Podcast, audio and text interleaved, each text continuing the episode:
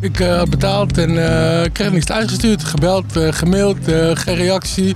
Kon je fluiten naar je centen. Dus je dacht echt, dit kost me meteen mijn baan. Hoe ga ik het ooit goed maken? Hoe moet ik het ooit terugbetalen? Mijn naam is Daan Nieber. En in het tweede seizoen van de podcastserie Frauderen, zo werkt het... kruip ik in de huid van fraudeurs. Hoe zorg je ervoor dat mensen jouw nep-webshop bezoeken? Of hoe begin je als WhatsApp of CEO-fraudeur? Wat je de laatste tijd veel ziet, de laatste paar jaar eigenlijk, dat oplichters veel meer hun huiswerk doen.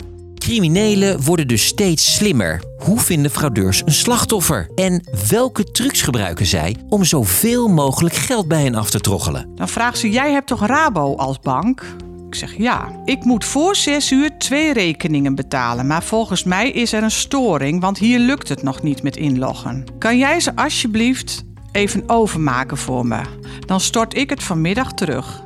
Frauderen, zo werkt het. De podcast is nu te horen in je favoriete podcast-app.